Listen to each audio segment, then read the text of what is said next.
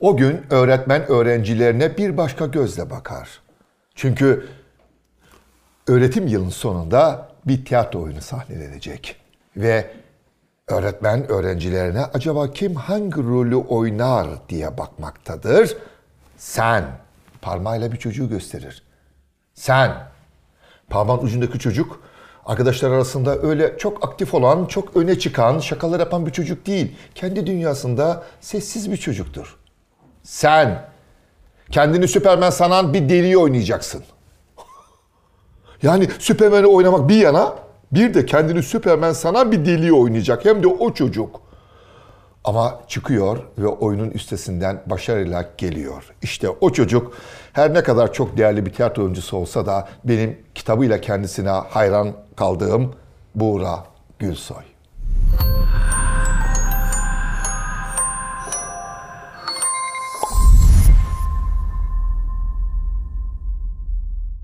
Sevgili Buğra hoş geldin.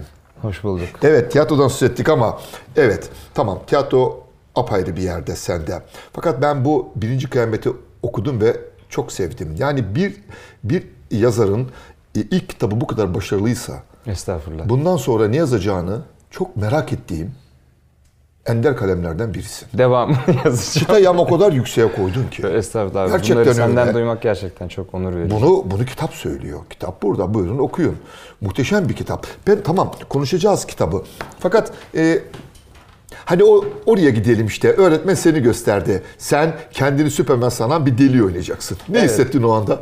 Öğretmen işte ortaokul e, dönemiydi. E, İşte bir tiyatro gösterisi yapılacak. E, Ben tabii o zamana kadar hiç tiyatro, oyunculuk öyle bir şey e, hayalim herhangi bir şey yok. Öğretmen beni seçince e, ben dedim yapamam. Yani nasıl yapayım? İnsanların önüne çıkacağım o kadar kalabalıkta işte aileler geliyor. E, işte tiyatro yapamam asla yani. Böyle bir şey yok. Yok dedi yaparsın dedi. Yapacaksın dedi. Gerçekten üzerime böyle bir Süperman kostümü vermişlerdi. Bir tane psikoloğa gidiyor. Ee, işte skeç gibi bir şeydi böyle. Ee, ben o gün delirdim hakikaten. Ee, oynamama gerek kalmadı. O Çünkü o, stresle. kadar o stresle o kadar heyecanlandım ki bu insanların e, bakışları üzerimde herkes bana bakıyor ne yapacağım bir süre sonra zaten delirdiğim için e, işte koyu verdim gitti zaten oldu yani Süpermen'i e, süper kendi Süpermen zaten bir deli olmuştum yani ama o öğretmenim gerçekten e, o gün aslında e, beni seçerek beni sahnenin üzerine çıkarak belki de şu anki beni olmamı sağladı. O yani kabın içine düşen ilk damla oydu diyorsun. Evet evet. Değil mi? evet. Bugün bir taşıran damla var karşımızda. Peki e, çocukluğumuzda ortak bir yön var ikimizin. Ben de Trabzon'da geçen çocukluk yıllarımda hep böyle telefon kulübeleri olurdu köşe başında. Cep telefonu yok. Köşe başlarında sarı telefon kulübeleri. İçine girer çıkar kendim havaya doğru atardım. Tüh bu da değilmiş. Ha sanıyordum ki ona uçma yeteneği veren telefon kulübesi. Telefon kulübesi. Değil mi? Takım elbiseyle girerdi, baş böyle bir çıkardı başka. Clark Kent. Clark yani Kent. biz süpermenciz. Onunla diğerleri sonradan çıktı. Ee, peki Buğra, yani lisede böyle pek e, sanatla haşır neşir olduğum bir dönem oldu mu? Yani tiyatro devam etti mi sonraki Ee, lise yıllarında?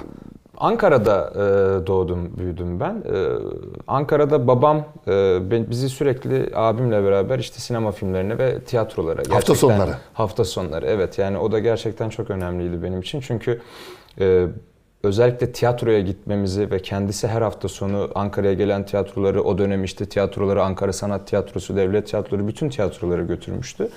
E, o da çok önemliydi tabii.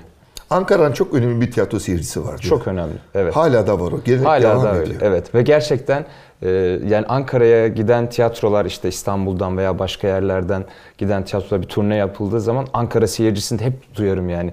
Şöyle bir e, korkarız. Çok farklı, güzel Çok bir seyircisi farklıdır. var. Gerçekten e, sevmediği oyunda ayağa kalkıp alkışlamaz. Çok doğru. Çok Tepkisini enteresan. hemen orada hemen, hemen ortaya koyar. Evet. Ee, sonra e, ailede nasıl bir buğra var? Baba ne olmasını istiyor? Niye yönlendiriyor? E, babam inşaat mühendisi. Hah, E, tamam. Mühendis olmamı istiyor. Şüphesiz. diyor ki işte mühendis ol. Ben de işte o dönem e, abim Kıbrıs'a gitmişti. Endüstri mühendisliğini kazanmıştı. Kıbrıs'ta okumaya başlamıştı. Ertesi sene ben e, girecektim sınava. E, çok parlak bir e, sonuç almadım. E, dedi ki o zaman seni Kıbrıs'a göndereyim abinin arkasına işte şey ol, mühendis ol. Dedim ki hayır madem böyle bir seçeneğim var ben mühendis olmayacağım. Sen şantiyede uğraş ben çizerim dedim. Mimarlık seçtim ben. Ve mimarlık okumaya gittim. Halbuki zorunu seçtin. Yani mimarlık en zor eğitimlerden biridir. Evet ama hep küçüklüğümden beri böyle çizim çiziyordum. Çizime yeteneğim vardı. Babama dedim ki "Yani ben çizerim sen uğraş yani. Ben Ne tasarlayan tür olayım şeyler yani. çiziyordum derken yani böyle kendi kendine çizgi romanlar mı tasarlıyordun? Resimler mi yapıyordun? Vallahi şöyle yani babaannemin evinde e, hatta asılı durur kara kalem çalışmam var. E, 7 yaşında Mona Lisa'nın aynısını çizmişim. Onu böyle bakarak çizmişim. Hala tutar onu Müthiş. yerinde. Öyle bir. Mona Lisa var Türkiye'de. var var. Benim Müthiş. Yani çizdiğim- Buğra Gülsoy'un çizmiş olduğu bir Mona Lisa şu anda bir nerede duruyor? Ankara'da. Ankara'da babaannemin Ankara'da bir- evinde. Ama o Evet. çok değerli şu anda biliyor musun? Evet evet. bak onu bak çünkü ben çocuk tarihinin peşindeyim ya. Yani o benim için gerçekten eser.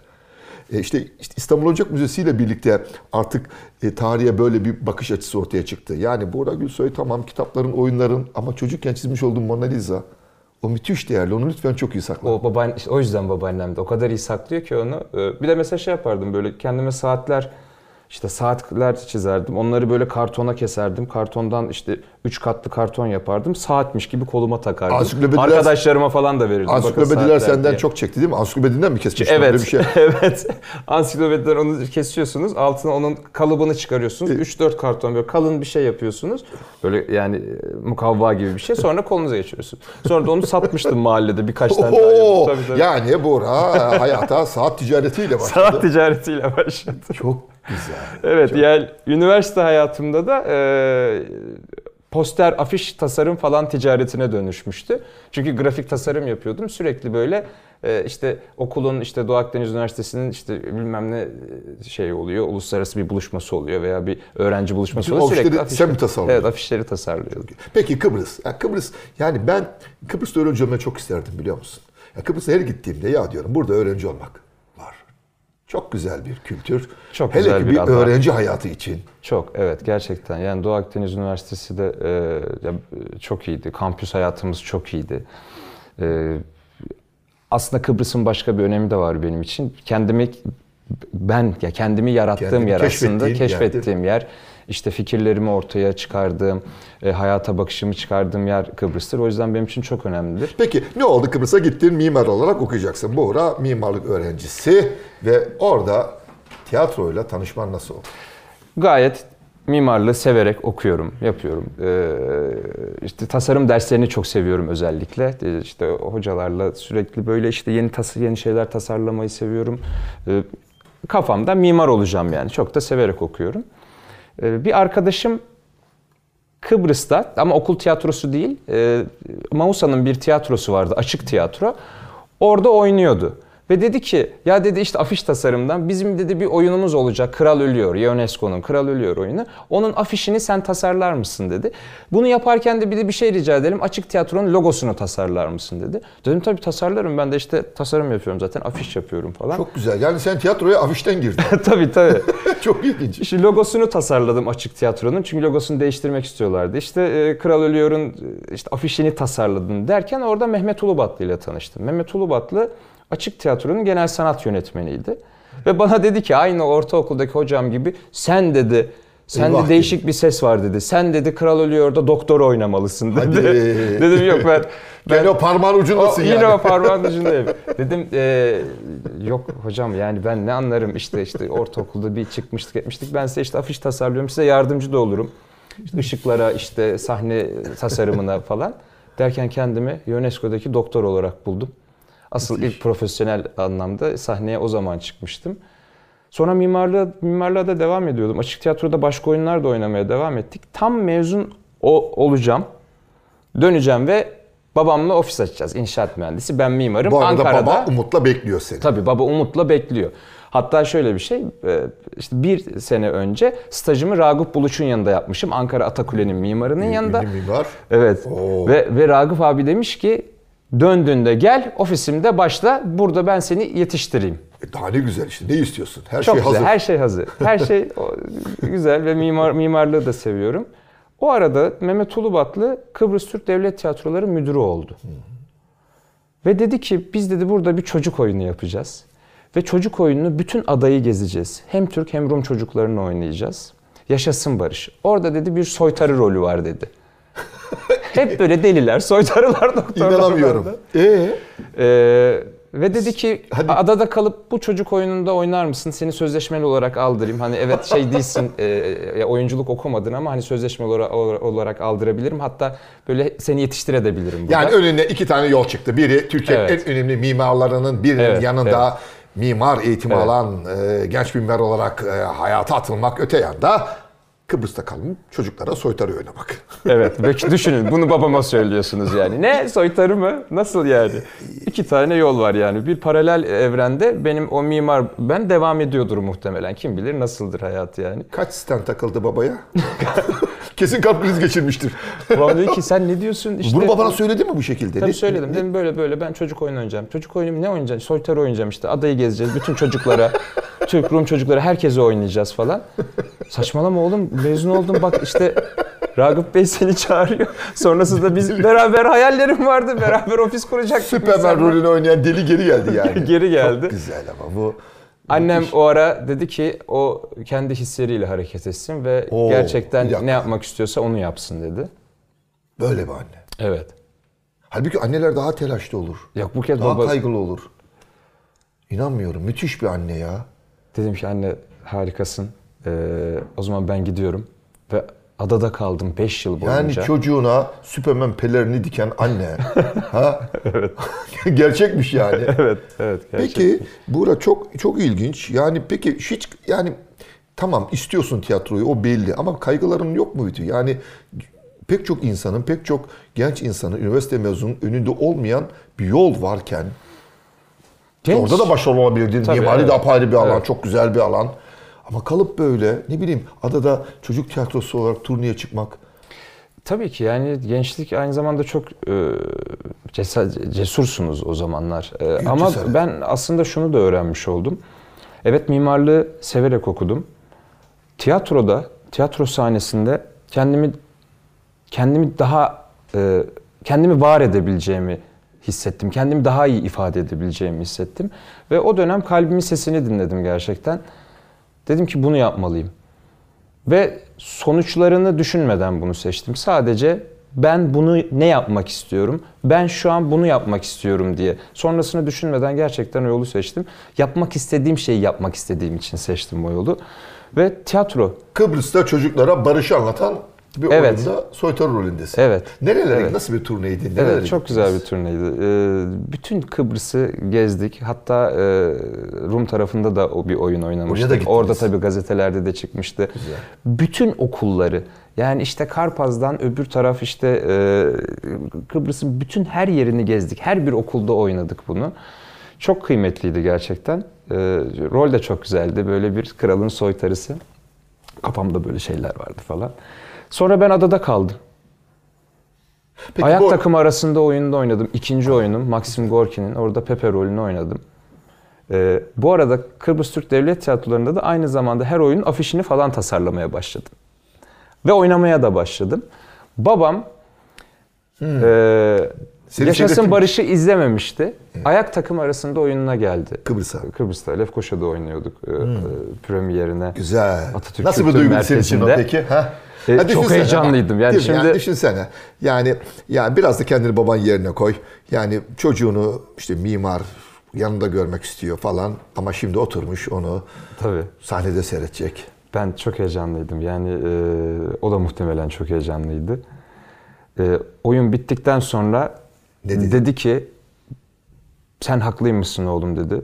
Bundan sonra hayatında hiçbir karara karışmayacağım dedi. Ve sen kendi yolunu kendin çiz dedi. Muhteşem. Oradan zaten Muhteşem Devam ama aydın bir anne baba gerçekten. evet çok çok önemli. Ee, baba anne babaların kaygılarına da hak veriyorum, vermiyor tabii ki değilim. tabii ki tabii ki çok haklıydı tabii Ama kaygısında. bütün o kaygılarının ötesinde işte çocuklarına güvenen anne babalar çok önemli. her zaman daha değerli. Peki e, Kıbrıs Sevir serüveni ne kadar sürdü? Ne kadar orada tiyatro yaptın? Bu ne kadar?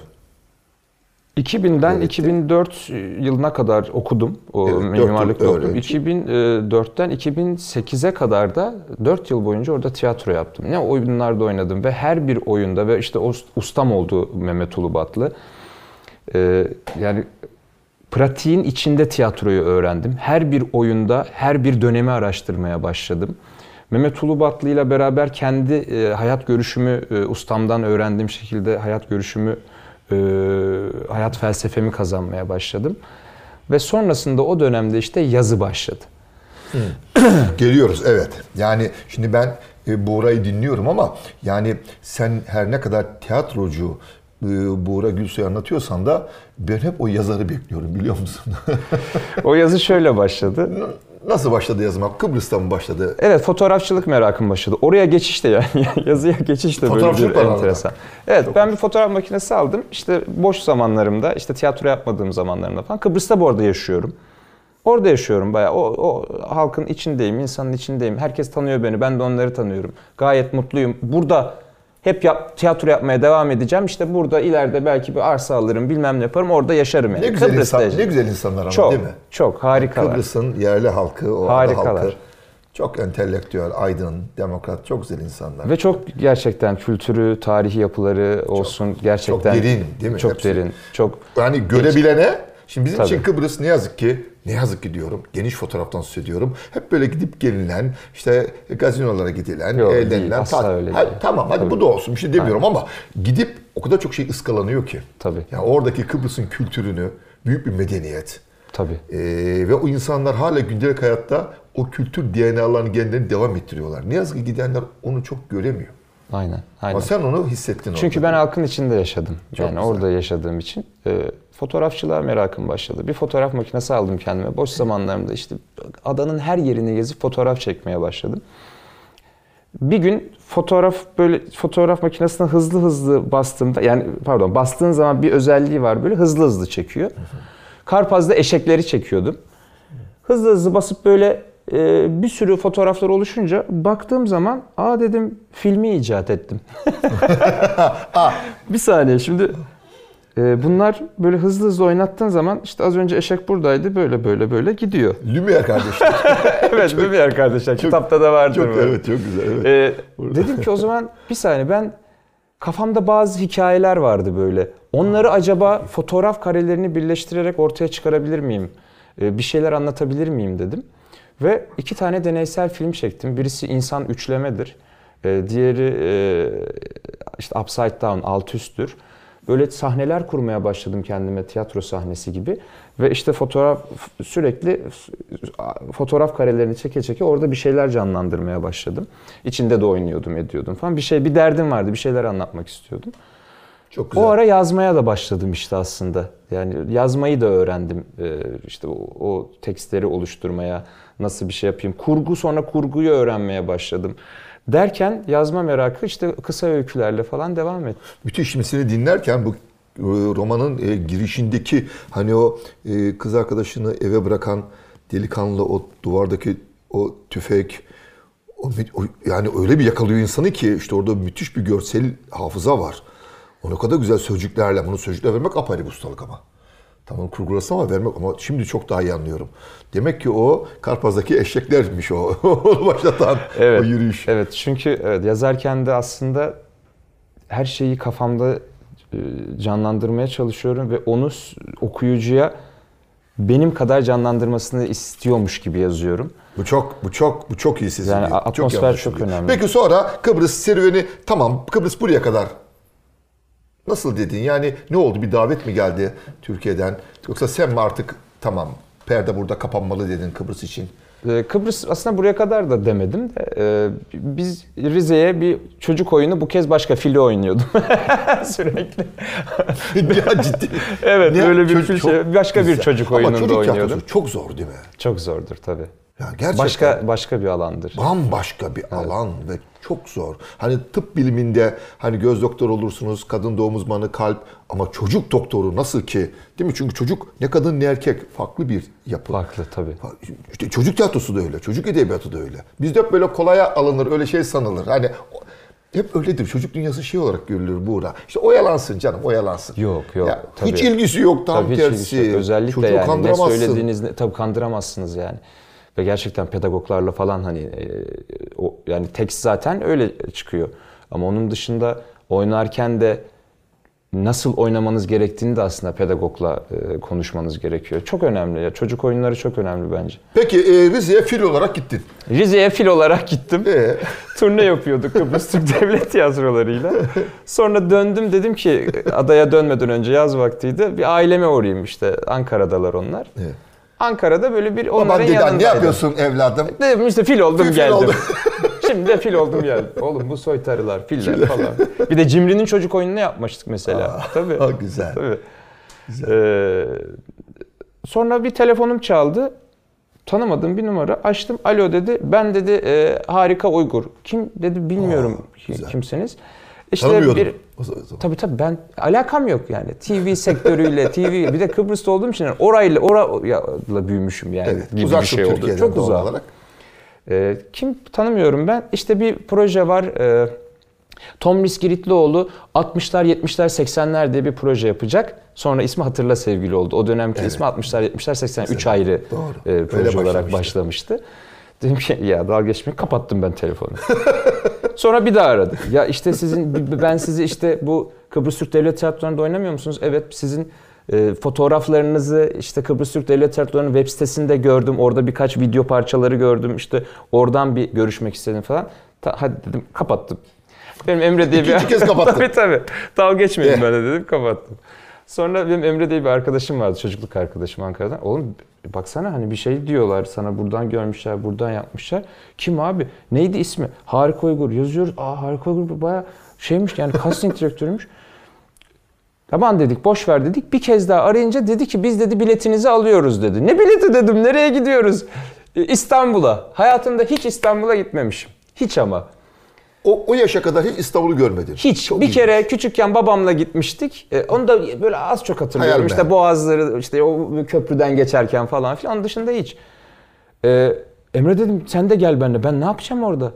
Tamam dedi dur ben de geleyim o zaman. Biz iki böyle İstanbul'a inmiş. Köyden Ne geldim şehre. Aynen. O sizsiniz ne güzel. yapacağımızı bilmiyoruz. Böyle metro nereye gideceğiz? İşte o dönem neredeydi? Levent'teydi yeri e, işte harikanın.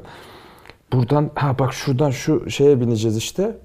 Buradan geçeceğiz. Muhtemelen şuradan da şöyle geçeriz falan. Kendimize sonra harita sonra- planı, harita planı yani bütün haritada planımızı yaptık.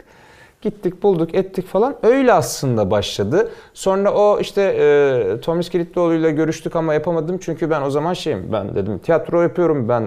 Orada benim oyunlarım var. Ben hayatta gelmem yani ben. Öyle Şeyim yani. ne dizisi yani falan. E, çünkü gerçekten de oyunlarım vardı. Oyunlarıma gitmiştim, gelmiştim. Bir sene sonra yazın bu kez oyunlarım bitmişti ve boşa çıkmıştım. Hepimiz birimiz için diye bir dizi geldi. Ee, öyle başladım aslında. Yazın gittim. Sonrasında da dönemedim geri. Ee, işte Güneşi Gördüm filmi oldu. Derviş Zaim e, Gölgeler Suretler filmini Kıbrıs'ta çekti. Ve benim de oynamamı istedi. O da çok komiktir. İlk filmim... e, Kıbrıs'ta. e, Evet o da çok enteresan ve Derviş Derviş Zaim benimle görüşmek istediğini söylüyor. Ben diziyi çekmişim. Dizi çok da tutmamış. 5 bölümde patlamış. Bizi niye oynattılar onu da anlamış değilim yani. Tanımıyor kimse bizi.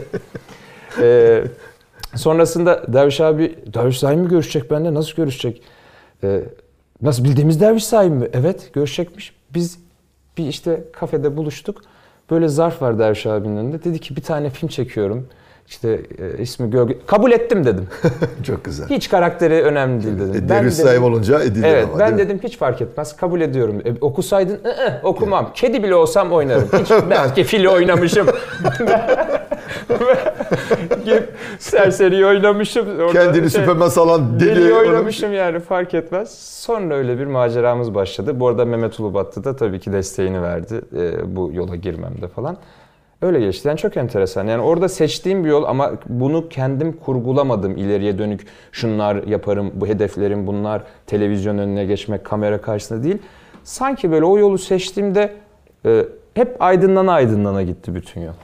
Yani Müthiş. onu o kalbimle, hislerimle seçtiğim yoldu. Müthiş. Peki ben yine dönüyorum o Kapras'taki eşeklere. Ederim. Şimdi bütün bu seni dinlerken, bu giderek e, yükselen oyunculuk hayatını dinlerken, yani işte yazar, edebiyatçı Buğra, yani şu birinci kıyameti yazmak, bu arada hangi süreçte, nereden aklına geldi, nasıl beyninin bu kadar yoğun oyunculuk hayatının içerisinde olgunlaştı, bu kitabın hayalini kurdun, nasıl başladı bu?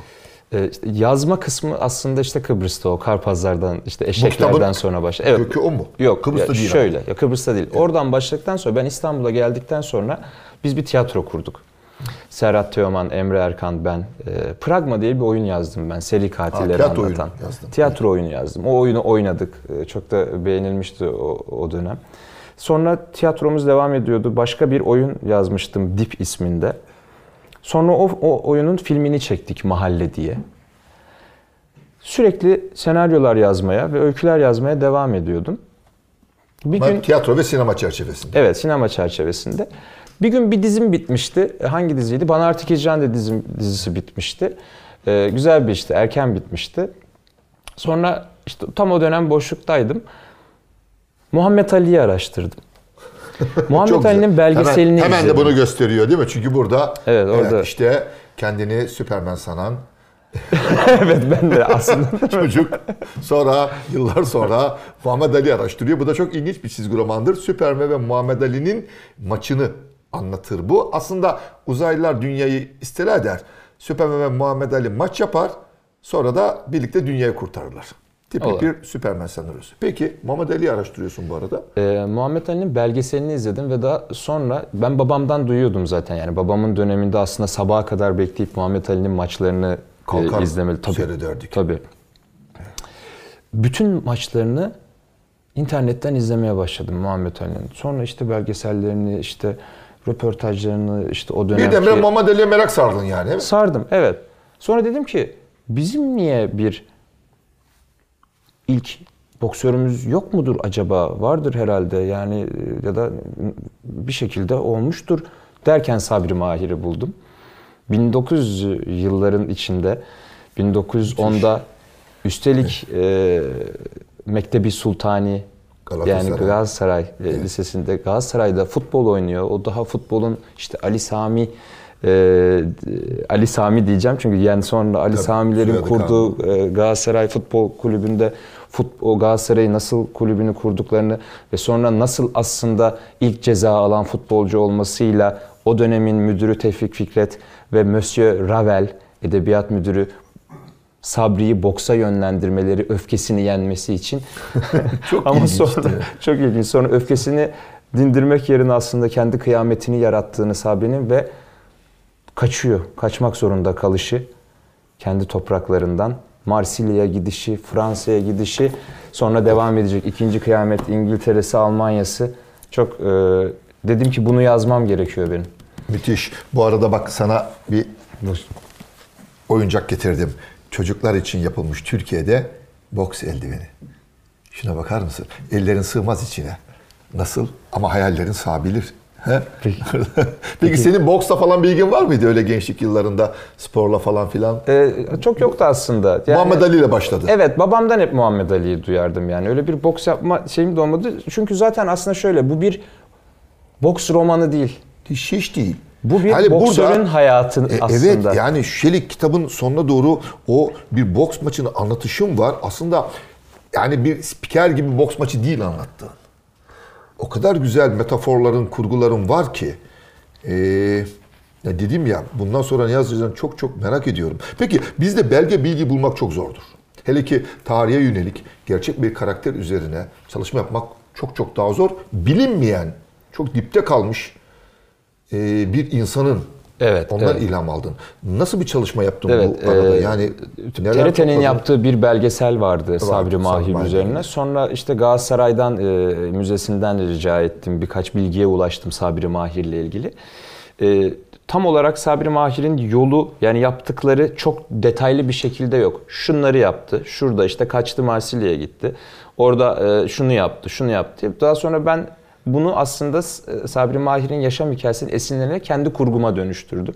Çünkü hep merak ettiğim bir dönemdi. Birinci Dünya ve İkinci Dünya Dünya Savaşları'nın öncesindeki e, aslında ki o kaosun e, nasıl var edildiği, var olduğu ve sonrasında Birinci Dünya Savaşları, Birinci Dünya Savaşı'ndan sonra nasıl kartların yeniden dağıtıldığı dönemi hep işlemek istiyordum. Sabri Mahir tam o döneme denk geliyordu ve dedim ki yani onun üzerinden de aslında onun onun hikayesini anlatırken de e, kendi istediğim e, anlatmak istediğim şeyleri de anlatabilirim diye Düşündüm, müthiş. Düşündüm. Bu arada ben boks ve edebiyat üzerine çok uzun süre düşünen, denemeler yazan birisiyim.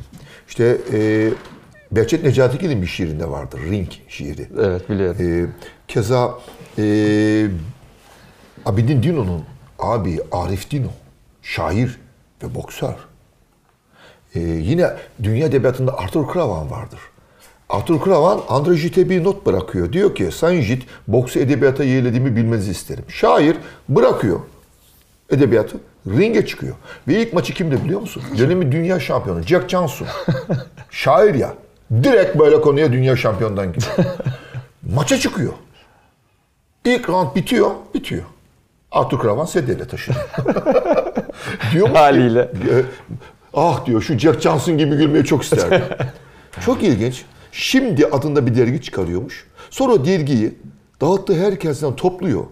Çuvallara koyuyor, sandala biniyor. En son Arthur Kravan Atlas Okyanusu'na kürek çekerken görülüyor. Bir daha da haber alınamıyor. Çok ilginç. Yani bu boksörlerin dünyası gerçekten çok ilginç ama sen sendeki boksörü anlattın aslında. Kendi dünyanı kurgunu kattın ki o zaman edebiyat olur, belgesel olmaktan çıkar. Bunu da büyük bir ustalıkla yaptın ilk kitabın olmasına rağmen. ne kadar bir e, zamanda yazdın bunu? Nasıl bir zaman diliminde? Ee, Çünkü bir yandan oyunlar, işte sözün ettiğin filmler, Yani şöyle aslında ilk film senaryosunu yazmıştım ben e, 7-8 film olarak yıl önce. Tabii tabii. Çünkü Aa, güzel. film senaryosunu yazdım 7 yıl önceydi sanırım. Bütün kurgu belliydi zaten. Bütün hikaye belliydi. E, Ama o kadar bütçeli bir film ki onun biraz daha zamanı düş- diye düşündüm. Sonra da şöyle düşündüm. Dedim ki bunu daha detaylı bir şekilde bir romanın içinde anlatırsam bu hikayeyi e, her okur kendi filmini çeker kafasında. güzel. E, Dolayısıyla işte kitabını yazmaya başladım. Ara ara yazıyordum zaten ama hikaye kurgu belli olduğu için garip bir şekilde sevdim de yani hızlı da yazıyorum, yazıyorum yani. Müthiş. Peki şu anda Buğra'nın yazmakta olduğu, çünkü bir e, romanı yazarken genelde bir edebi metinle haşır neşir olurken başka şeyler gelir aklına.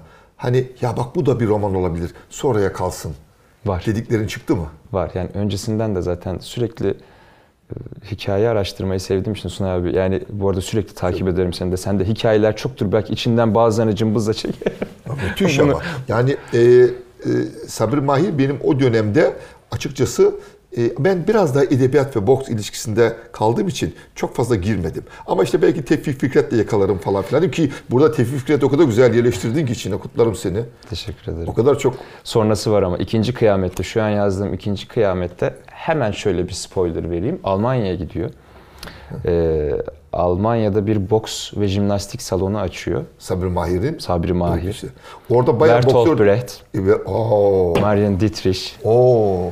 Bütün onun salonuna e, geliyorlar o dönemin edebiyatçıları ve aslında var olmayan ülke diyor burasına. Burada e, kadınların da erkeklerin de herkesin felsefeyi, edebiyatı tartışacağı bir yer yaratıyor aynı zamanda. Şöyle bir salon düşünün, gerçek bu da.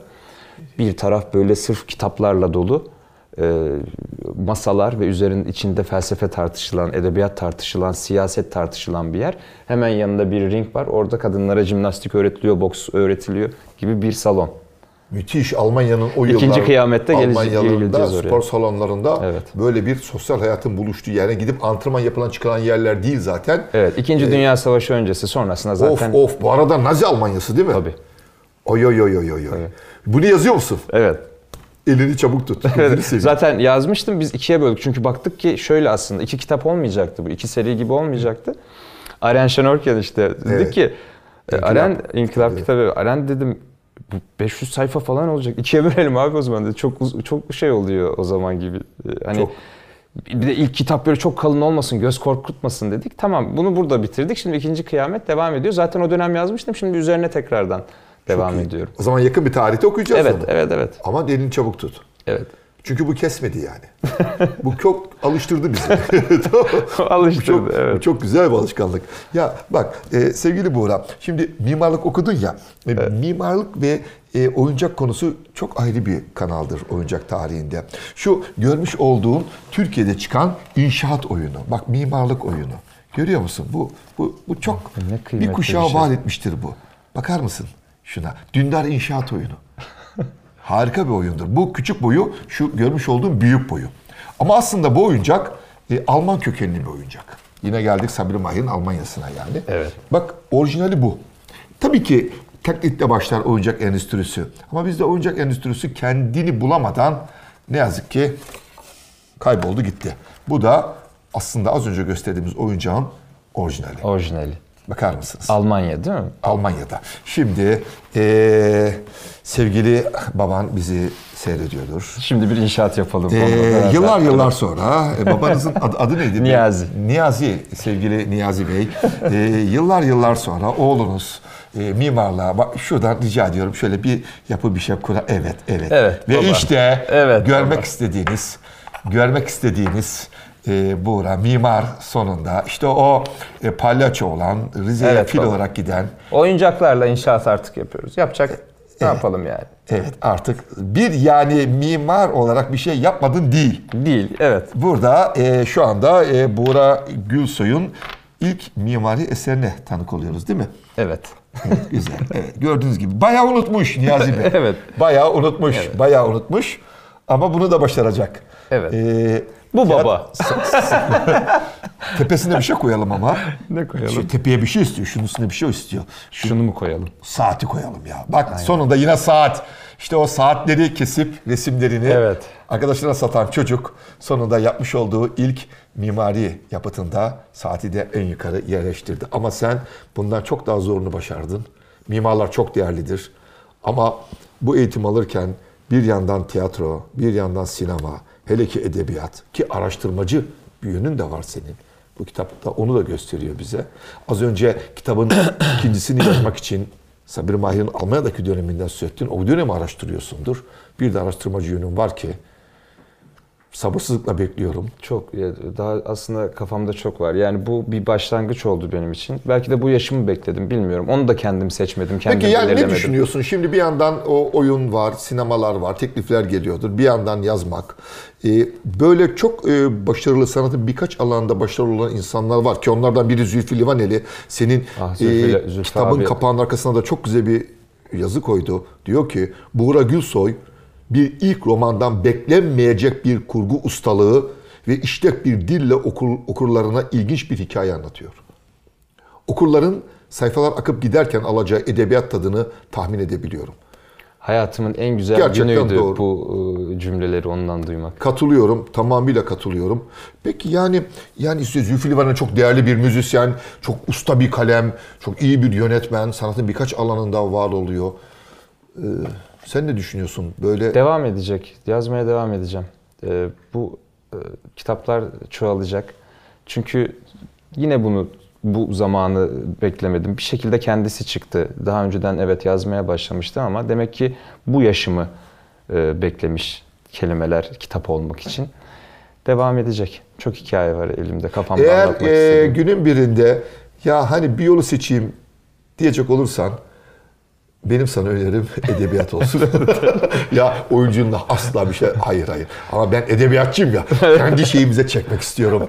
oradayım artık oradayım. da Yani yani. e, gerçekten bu kadar hayal gücü güçlü olan bir insan, kurguyu çok iyi bilen bir kalem. E, ne yazdığını insan merak ediyor. E, çok çok teşekkür ediyorum. Ben teşekkür ederim. Buğra. Çok inşa edemedik ama Evet, ya bize inşa, evet, bir şey daha mı koysak ne yapsak? devam et. Ben programı kapatayım. Efendim, e, Kıbrıs'ta mimarlık eğitimi alıyor. Babası Niyazi Bey onun iyi bir mimar olmasını bekliyor. Fakat o gidiyor çocuk tiyatrosunda e, soytarı oynuyor. E, Rize'ye bir çocuk oyununa fil olarak gidiyor.